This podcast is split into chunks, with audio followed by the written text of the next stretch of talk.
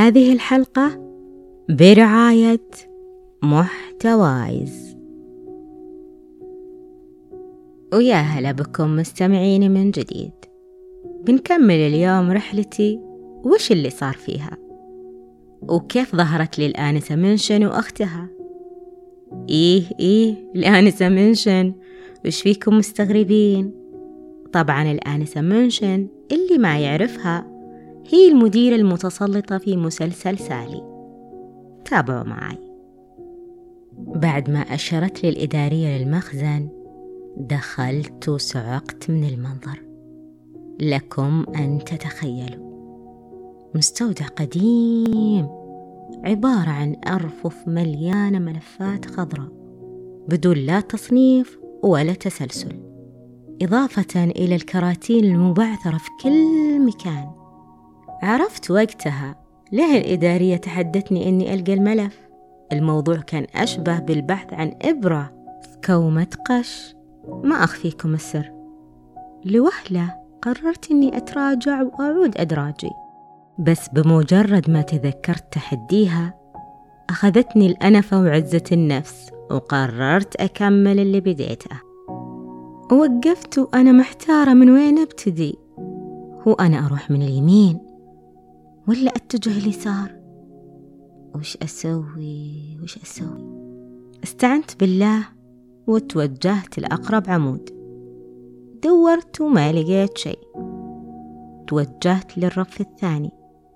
بحثت وبحثت لكن للأسف ما لقيته.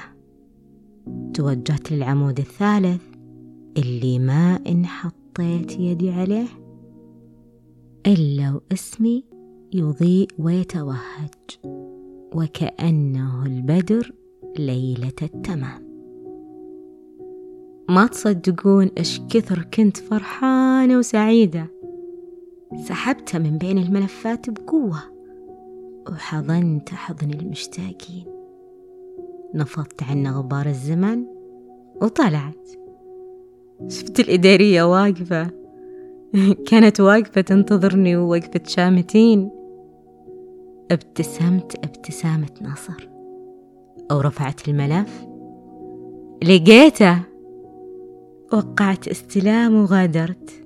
وأنا أسمع تمتمات. لم أفقه منها شيئا. وبديت رحلة دراسة الثانوية من جديد.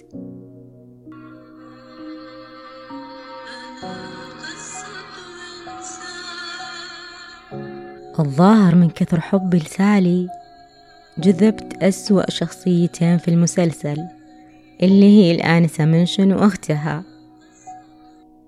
أول يوم دراسي كان عبارة عن صندوق مليء بالمشاعر والمفاجآت. لبسي المريول للمدرسة قومة الصبح وأنا أجهز نفسي وأجهز عيالي وقوفي في الطابور الصباحي. الآنسة منشن اللي من استقبلتنا وهي تزبد وترعد. رفعت سبابتها وقالت ما حتنجحوا وإذا نجحتوا حتنجحوا بالدف يا ليل الحين أنا أخلص من الإدارية تطلع لي هذه؟ طبعا كانت محرصة على المدرسات ممنوع التعاطف والتعاون مع الكبيرات بأي شكل من الأشكال. الكتاب نختبره من الجلدة للجلدة. الطابور الصباحي طبعا إلزامي. أنا ما كان يفرق معي صراحة لكن لما ألتفت الطالبة بعمر أمي وهي واقفة بشنطتها لا وتفتش على أظافرها بعد.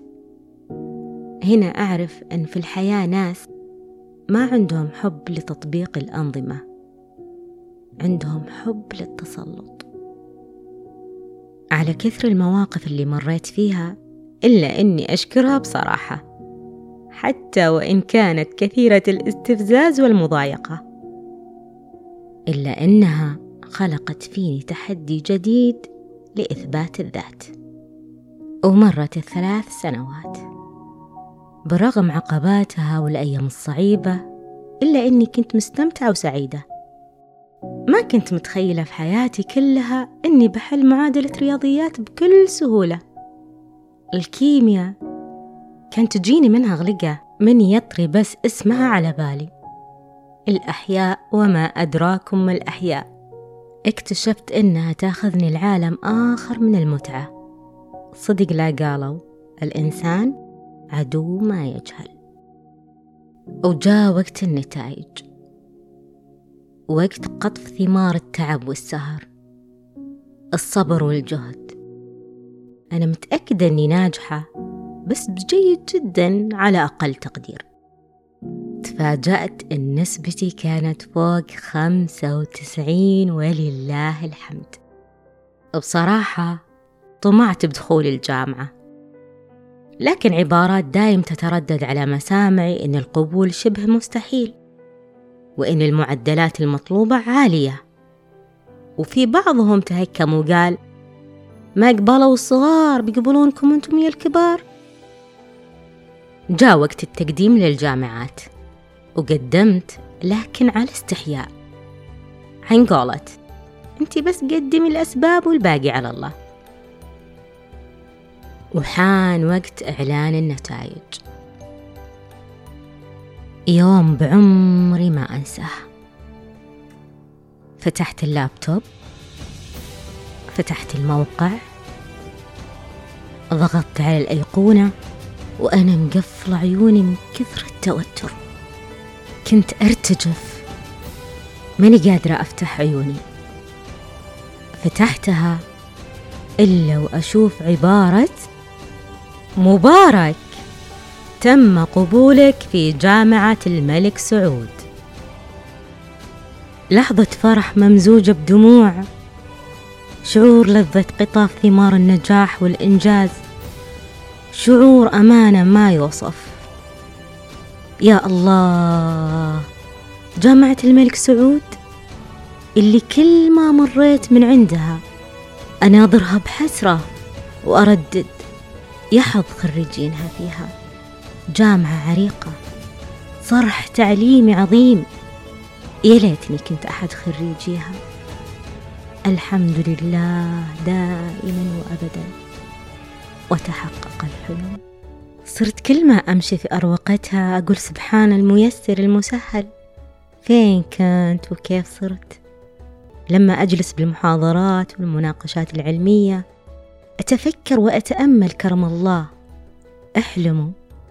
إيه أحلموا وتمنوا. ما خابت قلوب أودعت الباري أمانيها. أخيرا السير نحو النجاح رحلة لا نهاية لها. توقف قليلا عن السير.